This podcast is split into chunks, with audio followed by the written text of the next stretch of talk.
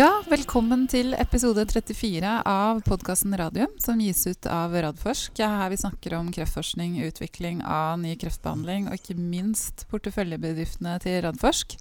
Godt nyttår, eh, Einarsson. Godt nyttår, Elisabeth. Ja, 2018. 2018, vi Ja. er klar. Vi er klar. Ja. Eh, Det er jo andre uka, da, så det skulle bare mangle. Jo, jo. Um, akkurat i dag så har vi ingen gjester i studio. Og hvis lyden høres litt uh, annerledes ut, så er det fordi vi har blitt kasta ut av studioet vårt. Fordi der er det omkledningsværelse For revyen. for revyen, for Ullern-revyen. Løp og se. Ja, og spilles til uh, søndag Hva blir det for noe? 17.? Nei, kan ikke, kan ikke datoer. Eh, I dag så har vi ingen gjester. Eh, det er ikke så veldig rart. Det er fordi eh, de, de aktuelle gjestene de er faktisk på JP Morgan i San yeah. Francisco. Det er de, de, de aller, aller fleste. Det er det store møtestedet for biotekindustrien hvert år hvor bedrifter og investorer møtes. Selve konferansen er ikke så mange som er interessert i, men det er alt som foregår på hoteller All- all og i ganger og nettverkingen som Ja. er, er det store. Så der må man være. Eh, men det betyr at neste uke så får vi besøk av eh, Per Walder fra PCI. Ja. Og uken etter får vi besøk av ingen ringere enn Luigi Costa og Jostein Dale fra Nordic Nanovektor. Spennende program. Så vi, eh, vi kjører på.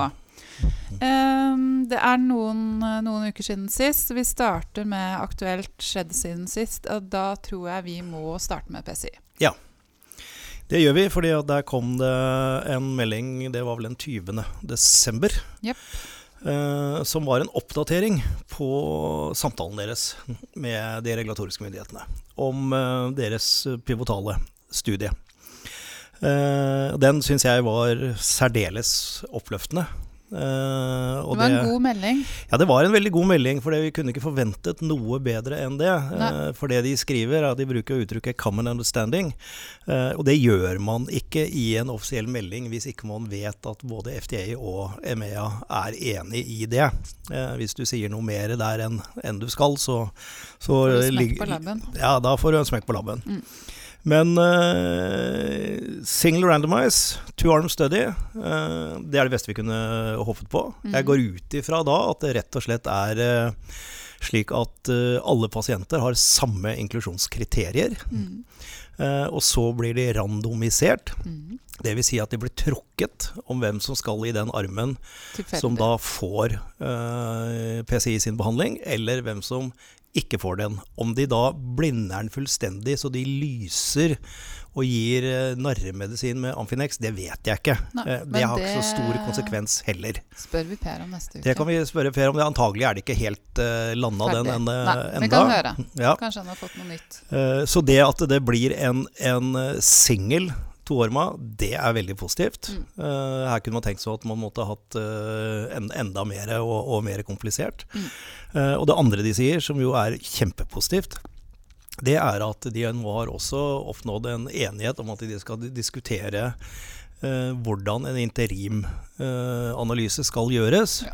For det Og- betyr at den kan stoppes hvis resultatene er så gode at ikke det er etisk å inkludere alle. Det betyr at de, de stopper opp og tar en liten uh, hvileskjær et eller annet sted i studien.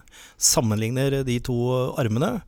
Og så tar de en av flere beslutninger. Den ene beslutningen kan være at de kutter ut den uh, armen som ikke får behandling, fordi det er uetisk hvis det er veldig stor forskjell mellom de, uh, og fortsetter bare med én arm. Det andre kan være at de får en, en eller annen form for accelerated approval. Dvs. Si at de får lov til å gå på markedet uh, ut ifra de dataene, men selvfølgelig vil studien fortsette. Ja. Eh, så uansett, dette er det beste vi kunne, kunne vente, vente, ventet oss, og, og det betyr at de bør komme i gang eh, relativt kjapt. Nå, nå er det alltid nitty-gritty og fram og tilbake med regulatoriske myndigheter før man liksom endelig får go. Eh, Så det får vi bare smøre oss. Det kan ta en måned, det kan ta tre-fire måneder. Det, det, Ja, det aner vi ikke. ikke. Nei. Men uh, uansett uh, kjempepositivt. Og hvis man husker tilbake til, uh, til Sofigo, så var det jo sånn den ble godkjent. Da ble, var det en interim, og det ble stoppet pga. etisk. Det hadde vært kjempegøy om det Ja. skjer med, med PSI også. Ja, da, Det blir veldig morsomt å ha Per her neste uke og Ja, veldig- veldig snakke Ja. mer om dette. og det er igjen, altså hvis de klarer å vise de samme resultatene som de har vist i den uh, første fase 1-2-studien, Mm. uh, så kan du si at det var ikke en effektstudie, det var en dose-finding-studie. Ja, det er, det er riktig, men de har analysert en god del svulter som de har, har rapporterte dataene på. eh, Og når en svulst blir borte, er borte. så er det som regel effekt. Eh, og børsen er også happy. Børsen er eh, happy nå. Har de, har de endelig skjønt det, da? Ja, altså det Ja. skjedde jo svært lite når denne, denne meldingen kom. Ja. Eh, det var jeg egentlig kanskje ikke så veldig overraska over, fordi at det er en del nye ting her, og en del ting å ta inn over seg. Ny- nye regulatoriske Ja, helt nytt regulatorisk løp. Og, og jeg har heller ikke sett noen oppdaterte analyser etter at uh, dette kom, men uh, etter hvert som det synker inn og folk uh, ser hva som ligger i det, så, så har det jo vært særdeles hyggelig på børsen nå etter nyttår. Mm. Eh, neste skjedd siden sist er Targovax. Ja. Targovax, hvis du husker tilbake fra Q3-rapporten, så kom de med noen musedata på Mm. denne humaniserte musemodellen. Eh, Som jo da er i utgangspunktet en helt kald tumor, hvor det ikke er noe aktivitet i immunsystemet i utgangspunktet. Og så ga de eh, Onkos 102. Eh, og så fikk de en viss eh, tumorrespons på det, ganske bra faktisk. Og så ga de eh, Ruda, eh, checkpoint inhibitor, og fikk en veldig god respons. Mm. Men hvis de ga bare Keytruda, så skjedde ingenting. Nei. Og det er som forventa, for når vi, det hjelper ikke å ta av bremsen på en bil som står på flat vei. Når det ikke Nei, er noe gass der. Nei, da står den stille, og det er det som skjer i en kald tumor. Mm. Og dette har vært på en måte teorien om hvordan vi skal bruke Onkos 102. Mm. Og da er det denne melanomstudien som de nå rapporterte data på. Der er det pasienter som har fått Ketruda, og ikke respondert. Mm. Da vil man tro at her er det ikke noe aktivt immunforsvar. Nei. Det vet man. når de ikke reagerer. Det er det som er grunnen til at uh, Det Keytruda ikke virker. Mm. Så får de over en så jeg husker riktig en treukersperiode eh, Onkos 102 eh, flere ganger. Og så er spørsmålet hva skjer med tumor da? Mm. Og det er det vi får nå svaret på de første. Og så igjen svært få pasienter, ingen statistikk. Alle, tar alle forbehold. alle forbeholdene. Men Men det vi ser, er at vi får et kraftig immunsvar. Mm. Vi får CD8 killer cells. mm. Vi får hele immunsystemet, både det systemiske og det lokale. Og det systemiske er jo det viktige, at det lokale behandlingen skal føre til en systemisk. Mm. Og vi ser noe som er veldig spennende, og som vi hadde håpet på. Vi får en oppgradering av PD1-ekspresjon Mm. i disse CD8-cellene. Og hva betyr det? Jo, det betyr at det er CD8-celler som er i stand til å angripe kreftceller, Ja. men de har bremsen på. Derfor PD1-ekspresjonen. Mm. Og den bremsen fjerner Ketruda. Mm. Så altså ingen reaksjon på Ketruda. Onkos for å aktivere immunsystemet, og så Ketruda inn igjen. Mm. Det er det pasientene får nå. Mm. Hvordan det funker, det vet vi ikke. Ne. Men hvis de får respons på Ketruda nå, så er det spennende. Ja, kjempegøy. Hvordan har børsen reagert på det her, da?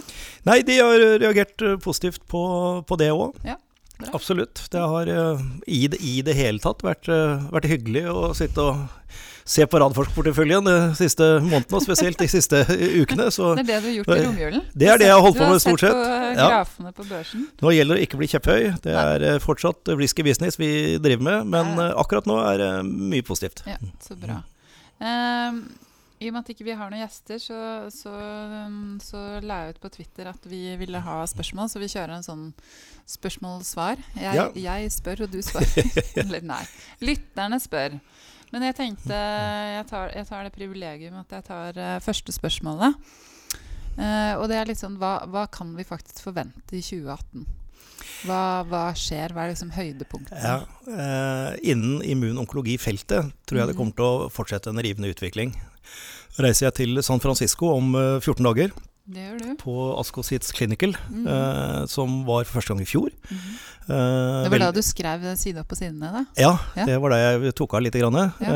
og jeg tror jeg kommer til å ta litt eh, i år også. Kjempespennende å se hvordan posisjonerer man nå Zetla 4, altså den opprinnelige checkpoint-invitoren, sammen med eventuelt eh, den type behandling vi holder på med. Eh, hvordan går det med IDO, eh, som også kan være et verktøy i verktøyskassen sammen med peptidvaksiner og onkolytisk eh, virus. Eh, er det, hvordan er det med, med disse nye intraleukinmedisinene? Altså jeg tror det fortsatt kommer til å være veldig mye spennende som uh, dukker opp. Uh, og hele tiden så blir det denne verktøyskassa, og hvordan du posisjonerer det. Når det gjelder vår portefølje, så er det jo et kjempespennende år. Uh, først og fremst med at man kommer i gang med endelige pivotale studier, både i Nordic Nanovektor og da begynner man å nærme seg markedet. Ja, Ja, og forhåpentligvis også da PCI plutselig har en klar vei til markedet. For de andre selskapene er det igjen kliniske data. Og for all del, Targovax skal også legge en plan for hvordan de skal ta sin eh, TG01 eh, videre i en uh, pivotalstudie. Eh, så først og fremst eh, data fra de tidligste selskapene, og da at det kommer i orden på det regulatoriske, og at løpet mot markedet er i gang. Så kommer jo ikke de effektdataene antagelig Nei. i år. Men kanskje litt på slutten av året, og i hvert fall i 2019 forventer vi det. Så ja. veldig spennende år. Ja, vi gleder oss. Ehm, ja, vi har til og med fått en sånn spørsmålstråd på, på Hegnar. Jeg så det. Ja, litt ufrivillig. Det var en av lytterne våre som har fiksa det. Ja. Uh, jeg har vært inne og, og kikka litt, men jeg tror rett og slett for oss så blir det litt, eh, litt voldsomt å administrere. Ja. Så vi oppfordrer til spørsmål på e-post til meg på eka.radforsk.no. Um, og ikke minst fordi vi vil gjerne vite hvem som spør. Det betyr ikke at vi sier det på lufta. Det, det, er det har vi ingen interesse av. Men um, ja. Ikke, Ja, og vi noe, kan ikke da- noe anonym forum på oss. Nei, Nei. da kan vi også svare direkte Ja. på spørsmål. Jeg får jo en del uh, spørsmål uh, direkte Ja. uh, med ting som ikke nødvendigvis tas opp i podkasten, men ting som eh, folk lurer på. Det setter jeg stor pris på. Det er Ja. bare, å, bare å sende. Jeg skal svare så godt jeg kan. Men da begynner vi rett og slett uh, rett på. Og det er uh, ikke uventa at det er spørsmål om, om PCI. Jeg skal lese opp spørsmålet. Alt har gått PCI Biotech sin vei hittil i 2017. Hvis og når Fimakem lykkes og eventuelt bud kan komme på PCI, kan da selskapet deles opp, slik at Fimakem-delen selges, og PCI Biotech kan f.eks. jobbe videre med Fimavac, som også har et enormt potensial. Kan dere snakke litt om de teoretiske mulighetene? Ja, altså PCI Biotech er jo basert på en plattformteknologi. Ja. Eh, I motsetning til f.eks. Nordic Nanovektor. eh, Som jo har ett et produkt i utgangspunktet, som også kan utvides for all del. Men, men, men det er ikke en plattformteknologi først og fremst. eh, Inntil videre, i hvert fall. For å se hvordan det utvikler seg. Men eh, det er alltid en veldig spennende og morsom strategiske beslutninger å ta. eh, Når du ser at ditt på en måte lead-kandidat begynner å ta i vei. Og da er det mange løsninger på det. Eh, I, Hva er det mest optimale? Nei, det kan du spørre om. Altså, I eh, Algeta så ble det jo en Bayer-avtale med en markedsføring delt i USA, og eh, med en hyggelig upfront og royalties og sånn. Og det, det gir jo en veldig trygghet og sikkerhet for investorene og selskapet, den type avtaler. Mm. Endte jo det opp med oppkjøp. Ja. Sånn går det gjerne hvis man, hvis man lykkes veldig godt. Mm. Eh, Så det er én måte å gjøre det på. En annen måte er, som, som lytteren spør om her, om man kan selge ut eh, eh, Fimakjem. Eh, Skal du da selge hele Fimakjem-plattformen, eller skal du gi en eksklusiv rett til på gallegangskreft og selv jobbe videre med andre indikasjoner? Mm. Eh, Dette er en dynamisk utvikling. Ingen selskaper vil på en måte si hva som er strategien i forhold til det. fordi her vil du alltid tenke på aksjonærenes eh, verdier, og hva som er best for selskapet i hvilken situasjon det er. Eh, men det er jo klart det å ha muligheter til å gjøre avtaler som gjør at du eh, får en bedre trygghet finansielt, det er nok noe investorer setter pris på. Men hvor, hvor veien går for PCI, det vet ikke jeg. Skal vi spørre Per om det også? Det kan vi spørre han om. Han kommer til å svare si akkurat det samme som meg. kommentar. Ja. Vi, snak, Men, vi eh, snakker med mange, sier Per da. Men apropos eh, Var det ikke sånn at, eh, at Kjetil Tasken skulle gå ut av styret i PCI? Er det kjent hvem som kommer inn? Eh, nei, det har jeg ikke sett eller hørt noe til. Uh, Jeg tror han går ut nå. Kjetil går ut nå. Uh, han ringte meg og, og, sa det siden jeg sitter i valgkomiteen der. Så ja, sa jeg det, det, var jo leit, sa jeg. Men siden han går som ny leder for Instituttet for kreftforskning, så, så, så, lever vi greit med det. Det er ja. en fantastisk fyr som kommer inn som ny leder der, og han skal vi jobbe mye sammen med framover. Ja. Ja, det, jeg husker Kjetil veldig godt fra en tid tilbake. Han var den første jeg intervjua noensinne som journalist. Ja. og det var et utrolig takknemlig intervjuobjekt, for å si det mildt. Han er jo ekstremt pedagogisk og ja. hyggelig. Ja. Og beskjeden. Ikke Særs eh, beskjeden. beskjeden. Eh, neste spørsmål går også på PCI. Kan man si noe om effekt ut fra fase 1-studiene for PCI Biotex eh, Fimaporfin? Ja, jeg nevnte det for så vidt i stad. Mm. Man må bare se på de resultatene som selskapet har eh, publisert. Og det gjelder jo disse jeg husker ikke alle detaljer og tall, men var det 19 19 forskjellige lesjoner som de identifiserte og fulgte, og 16 ja. av de hadde god respons, og mesteparten ble borte, tror jeg. Det, ja. ta, ta, det med en klype salt. Men uansett, eh, ja, i mine øyne så er det effekt. Ja. Eh, er det effekt som kan brukes eh, til noe? Nei, det er ikke statistisk. Ja, det er for få pasienter. Men ja, det er jo de dataene FDA og MEA har sett på ja. når de nå har gått med på denne type utviklingsløp. Har ikke vi et begrep for det her? Lovende? Encouraging? Encouraging, absolutt. Eh, neste spørsmål. Kan dere forklare hva seamless design betyr i den nye planen for Nordic Nanovectors Paradigm? Er første del 45 pasienter fordelt på tre forskjellige doseringer av betalutin. Altså, seamless design er også et nytt uttrykk. Ja. Uh, Sømløs. Det er søm, sømløst. Uh, før så var det jo fase 1. Bang, vente, se på det. Starte en ny fase 2, enten 2A. Så bang, stoppe, starte fase 2B osv. Mm.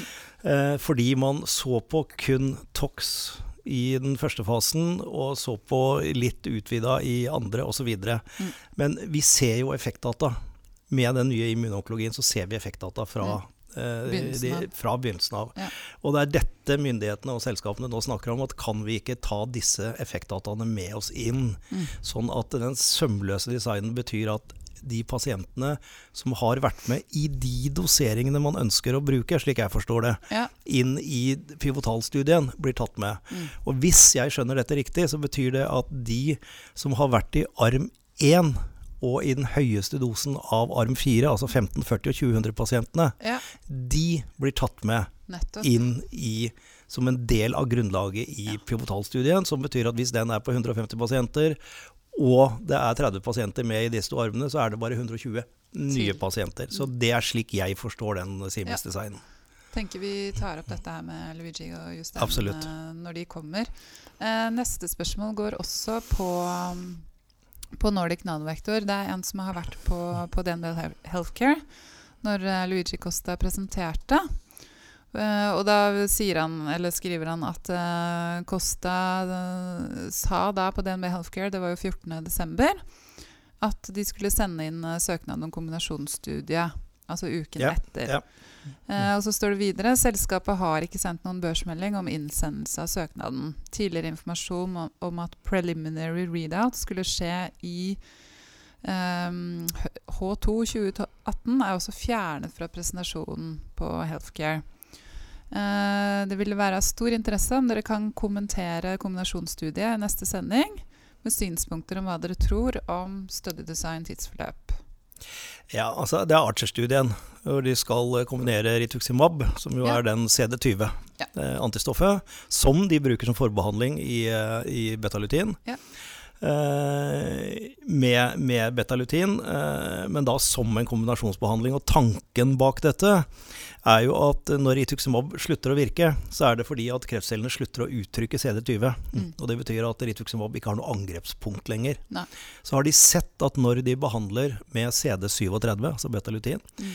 Eh, så begynner kreftcellene igjen å uttrykke CD20. Så da tenker man seg at det å behandle dette som en kombinasjon betyr at det kanskje er CD37 og CD20 som går litt opp og ned og, og forsterker og får en synergieffekt. Det er, det er tanken bak det. Mm. Eh, som er helt fornuftig og logisk Mm. å tenke seg. Mm. Hvordan designen blir på den studien, hvor mange og om det blir doseeskaleringer eh, igjen, det vet jeg ikke. Nei. Men eh, jeg ville tippe at, eh, og jeg tror kanskje jeg har fått bekrefta at det vil gå rett i en fase to-studie. Mm. Eh, det La meg ikke si det Nei. helt sikkert, men, men det er at nå sitter vi på kontoret ditt, så vi kan strengt tatt sjekke. Men ja, nei, men uansett, altså eh, Vi har Det er mange pasienter som er behandla med kombinasjonen av rituximab og betalutin tidligere. Nå er det Ja. bare litt annen måte å kombinere det på. Så jeg ville jo tro det at den, eh, den vil være ganske enkel å starte opp. Eh, Når det gjelder dette med, med har selskapet sendt inn såkalt IND eller ikke, eh, hvor lang tid tar det fra du sender inn IND til du har fått endelig svar, og når kan det starte, og hva er egentlig en oppstart av en studie? Er det et go fra ett land, som vi har diskutert rundt eh, paradigmestudiet? Mm. Eller er det første pasient dosert? I hvilket land? Eh, Skal man velge når man har fått starta opp i UK eller USA eller Tyskland eller Nederland eller hvor det er en? Man er jo i Nå utrolig var det mange mange land. spørsmål fra deg, Einarsson. Ja, og svaret mitt er slapp av. Ja. Altså, Det som er viktig med disse kontroll. selskapene, er at dette har de stålkontroll på. Ja. Noen ganger så er det en eller annen byråkrat som kommer med et intrikat spørsmål som gjør at du må eh, bruke en måned på å svare på det. Mm. Andre ganger som jeg har hatt i skryte litt av Ultimovox, når de sendte inn Mm. sin IND til sin studie i USA, så var så, jeg, altså så hadde de satt av sommerferien. Den skulle være på kontoret. ja, og det Ja. ble en god sommerferie for Ja, de, fordi ja. svaret fra, fra FDA var på alle Tommel måter eh, veldig, veldig positivt og, Mm. og tommelen opp. Eh, Så sånn går det noen ganger, og så er det forskjellig. Altså selv om du er enig med EMEA og FDA, så er det mange andre byråkrater som, rundt omkring som skal ha noen eh, meninger. Dagens hjertesukk, byråkrater. Eh, Så, så, ja, så, så selskap, disse selskapene er on track. Det er kanondyktige mennesker som eh, jobber med dette. Og nå, for, for Radforsk som investor nå, så er det å vente og se på dataene som kommer ut av studien. Du, nå, nå skal vi over på noe litt mer uh, alvorlig. Og det er jo da Det er fremdeles Nordic nanovektor. nanovektor. Men de har jo da fått avslag på uh, Paradigm fra uh, det som heter REC, eh, som står for regionale etiske komiteer, Ja. her i altså Helse Sør-Øst. Ja. Det har vi fått inn flere spørsmål eh, på. Ja. Eh, og spørsmålene blir jo da hva innebærer dette her for Ja. Paradigm? I form av eventuelt ny søknadstid, stoppe studio, studiet eh, osv. Bakgrunn Ja. er jo her at eh, de har søkt om eh, en endringssøknad fra fase 1-studien. Dvs. Si, eh, egentlig en søknad om seamless design. Mm. Om å bare utvide denne studien videre. ja. Bare fortsette. Eh, Som eh, vi da har fått en forståelse av eh, at de har fått eh, positive tilbakemeldinger på fra FDA og EMEA. Det er i hvert fall sånn jeg ser det som eh, blir sagt fra dem. Eh, mens her så har jeg fått eh, vurderingen, og, og dette er litt sånn relativt byråkratisk språk. En Men her- Det er noen paragrafer Her står det litt om endringssøknadens innhold, og så står det at endringer av pågående prosjekter skal søkes REC, jf. helseforskningslovens paragraf 11. Dersom endringene av prosjektet er så store at det må anses å være et helt nytt prosjekt, kan REC bestemme at det må søkes om forhåndsgodkjenning etter helseforskningslovens paragraf 9, jf. paragraf 10 Ja, på nytt. flott. Det Flott skjønner ikke jeg. Det betyr nei, dette er en ny studie. Ja. Vi ser ikke dette med seamless design. Vi ser ikke dette som skjer innen endringer i alle regulatoriske. Her sitter det en eller annen nissebyråkrat på et kontor på, på REC og gjør ting som han har gjort, eller hun, i alle år, og som man gjorde med kjemoterapi. Ja. Eh, og grunnen til, er nei, grunnen til at jeg blir litt oppbrakt, det er jo at hvis Nordic Nanovektor ønsker å kjøre denne studien i Norge, Mm. så må de sende inn en helt ny søknad Mm. med, ny, med ny behandlingstid, Ja. og det tar tid. Ja. Hvis jeg skjønner dette riktig, så betyr det at i mellomtiden så sitter Arne Kolstad, mm. som var principal investigator og hele dri kliniske drivkraften bak Lymrit-studien, og han har fortalt disse historiene om pasientene Ja. som kommer inn i rullestol og lever i beste velgående tre og et halvt år etterpå. Veldig Han sitter der og får ikke sette i gang og behandle nye pasienter. Nordic Nanovektor har studier i mange, mange land. Og Norge er et lite land. Norge er et lite land. Eh, Jeg forstår hvis ledelsen i Nordic Nanovektor Ja, men vet du hva? Da bare skipper vi Norge. Ja. Jeg syns det er helt forferdelig hvis de gjør det, Ja. men det kan man risikere. Ja. Dette syns jeg er ugreit. Men har de da skjønt det hos REC, at det er det de risikerer? Eller er ikke det viktig for dem? Er ikke det en del av vurderingen? Jeg tror ikke det er en del av vurderingen i Nei. det hele tatt. Nei.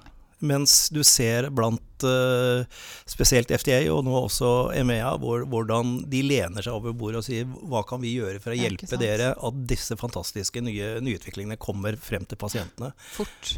Ja, ikke Ja. sant? Altså det er, eh, dette er så denne byråkratholdningen. Uh, Steinar Madsen, som jeg ikke er så veldig begeistra for i, eh, i Statens SLV, legemiddelverk. Statens legemiddelverk, Ja. jeg er i debatt med han, Ja. så sier jeg at jeg trodde at SLVs rolle var å sørge for at de aller beste medisinene ble stilt til rådighet for norske pasienter. Mm. Og da svarer han at nei, deres jobb var å sørge for å betale minst mulig for Ja. medisiner. Ja. Det, ja. det var nok hjertesyke for i dag. Det er det. Det er et eller annet som klikker innmari på kontoret ditt, eh, Jonas. Jeg Ja. vet ikke hva, hva, hva skjer ra radiatoren. Radiatoren. Radiatoren. Så Dere- kaldt er det ikke ute. Det er ikke en geiger til Men, eh, nei, men jeg tenker det her er eh, noe vi må snakke med, med Luigi og Ja. Jostein om. Veldig spent på å høre hva, hva de tenker om dette. Jeg tenker liksom for, for Jostein som har vært med å, å utvikle dette her. Ja. Han har jo selv bakgrunn fra Radiumhospitalet. Selv sett uh, altså disse kreftpasientene som, som trenger Vi, det vi, får, vi får høre med de hva de sier. La oss håpe Ja. at jeg tar fullstendig feil, og at Ja, dette her uh, ba, det bare, bare kan gjøres som sånn, og at vi behandler norske pasienter. Vi, vi får håpe det. Ja, vi satser på det. Eh, siste spørsmål Ja, siste to spørsmål er om Targovax. Ja. Det er ingen tvil om at Targovax er et lovende selskap. Det er imidlertid et problem at ledelsen virker så taus om framdriftsplaner mot kommersialisering. Jeg skjønner det er vanskelig å være eksakt med så mange produkter som de har under utprøvning. De burde imidlertid skissere en form for forretningsplan med eventuelle tidsangivelser overfor aksjonærer og markedet. Den nåværende uvissheten tror jeg er den viktigste årsaken til at kursen ikke har klatret høyere. Hva tenker du om det? Jeg tenker det at når det gjelder TG01-plattformen, så har selskapet levert eh, to kohorter eh, levert eh, data fra det på oppdravel bukspyttkjertel. De har også sagt at de nå er i diskusjoner med klinikere, key opinion leaders og med myndighetene om hvordan best lage en pivotalstudie for TG01. Mm. Eh, og de har sagt de skal eh, komme med den så fort de har en eh, mening om hvordan den ser ut. Mm. Eh, Så det syns jeg ikke er riktig, at ikke TG-plattformen har en klar kommersialisering. Når det gjelder de onkolytiske virusene, så må vi ha disse Data. kliniske dataene vi holder på med nå, Mm. for å posisjonere det inn mot om det skal starte med kombinasjonsbehandling fra dag én, eventuelt om vi får flere og utvida samarbeidsprosjekter, sånn som de har med, med den ene store studien. Mm. Eh, Det er vanskelig å si noe før man vet det. Mm. Eh, Og jeg skjønner også at investorer fryktelig gjerne vil ha tidsangivelser. Eh, og når data skal komme. Men vi har også sett at det er fryktelig vanskelig liksom, å balansere. Hvis du sier at det kommer en, en readout i andre halvår 2018, og så kommer den i 14.1, så er liksom det et problem. Og jeg Ja. skjønner ikke helt det. Så, så jeg, jeg, jeg skjønner at investorene ønsker du blir på en måte straffa for det hvis du ikke Ja. klarer å følge det. Og det er såpass vanskelig med disse kliniske studiene. Det er ofte lite de har kontroll på i forhold Ja. til tiden der. Det, det, det er det. Så, mm. så de selvfølgelig eh, tilstreber selskapene å komme med så konkrete tidsangivelser som, som mulig. Men, men eh, å utvikle et kreftlegemiddel innen immunonkologi, det er et dynamisk løp. Og Ja. det hender vi må ta strategiske beslutninger underveis. Mm. Så du husker tilbake til PCI Biotech. Du Ja, tok ja. den strategiske beslutningen å stoppe Head Next-studiet. Det var uh, furore, vil jeg tørre å påstå. Ja, og, Ja. Og, og det var jo nesten umulig å hente inn penger Ja. til eh, å komme i gang igjen med gallegangskreften. Så har det vist seg at det var en helt riktig strategisk beslutning. Ja. Så kan si, Kunne de tatt den beslutningen før? Nei, når de starta Head Next-studiet, som jo ga veldig gode resultater, så var det ingen som visste hva en checkpoint-inhibitor var. Ne. Og så plutselig kom de innenfor dette feltet, og da må man reposisjonere. Ja. Sånn, sånn er det bare i, dette, i denne bransjen. Sånn er det. Siste spørsmål. Hva tenker dere om prosentvis verdi av virus-based oncolytic immunotherapy-plattform, Onkos? Er dette så mye som 60-70% av selskapet, altså Targovax? Hvordan vil dere verdsette TG og Onkos opp mot hverandre? Ingen kommentar. Du er avtroppende styreformann? men du har Jeg er fortsatt, styre, fortsatt styremedlem i eh, Targovax, så Ja. dette har jeg ingen kommentar til. Sånn er det med den saken. Eh, hjertesukket, tok du det, eller? Jeg har vel sukka nok over helsebyråkratsystemet nå, har jeg ikke det? Jo, jeg har det. Men, uh, men det er klart at uh, Altså, i, i, hva skal man si for noe, I dagens klima, hvor vi på en måte har en stortingsmelding på trappene om helsenæring, hvor vi skal bygge helsenæring, og Nordic Nanovektor er det selskapet som nå man kan si er liksom nærmest markedet da, med, med et nytt Ja. kreftlegemiddel. Og så får du det svaret her pga. noen paragrafer eh, i helseloven fra regionale etiske komiteer. Ja, det Man, er, man kan jo da diskutere etikken i å ikke gi dette til pasienter. Ja. ja, man kan diskutere etikken til den etiske komiteen Rett og slett. av konsekvensene av deres beslutninger. Så det. Så det, så. Ja, da tror jeg vi eh, sier takk for nå. Og så neste uke, Per Valdai, eh, send gjerne spørsmål eh, i forbindelse med, med PCI. Og kom gjerne med ønsker i forhold til gjester også, kanskje. Ja, kjempefint. Ja. Yes. Yes, takk.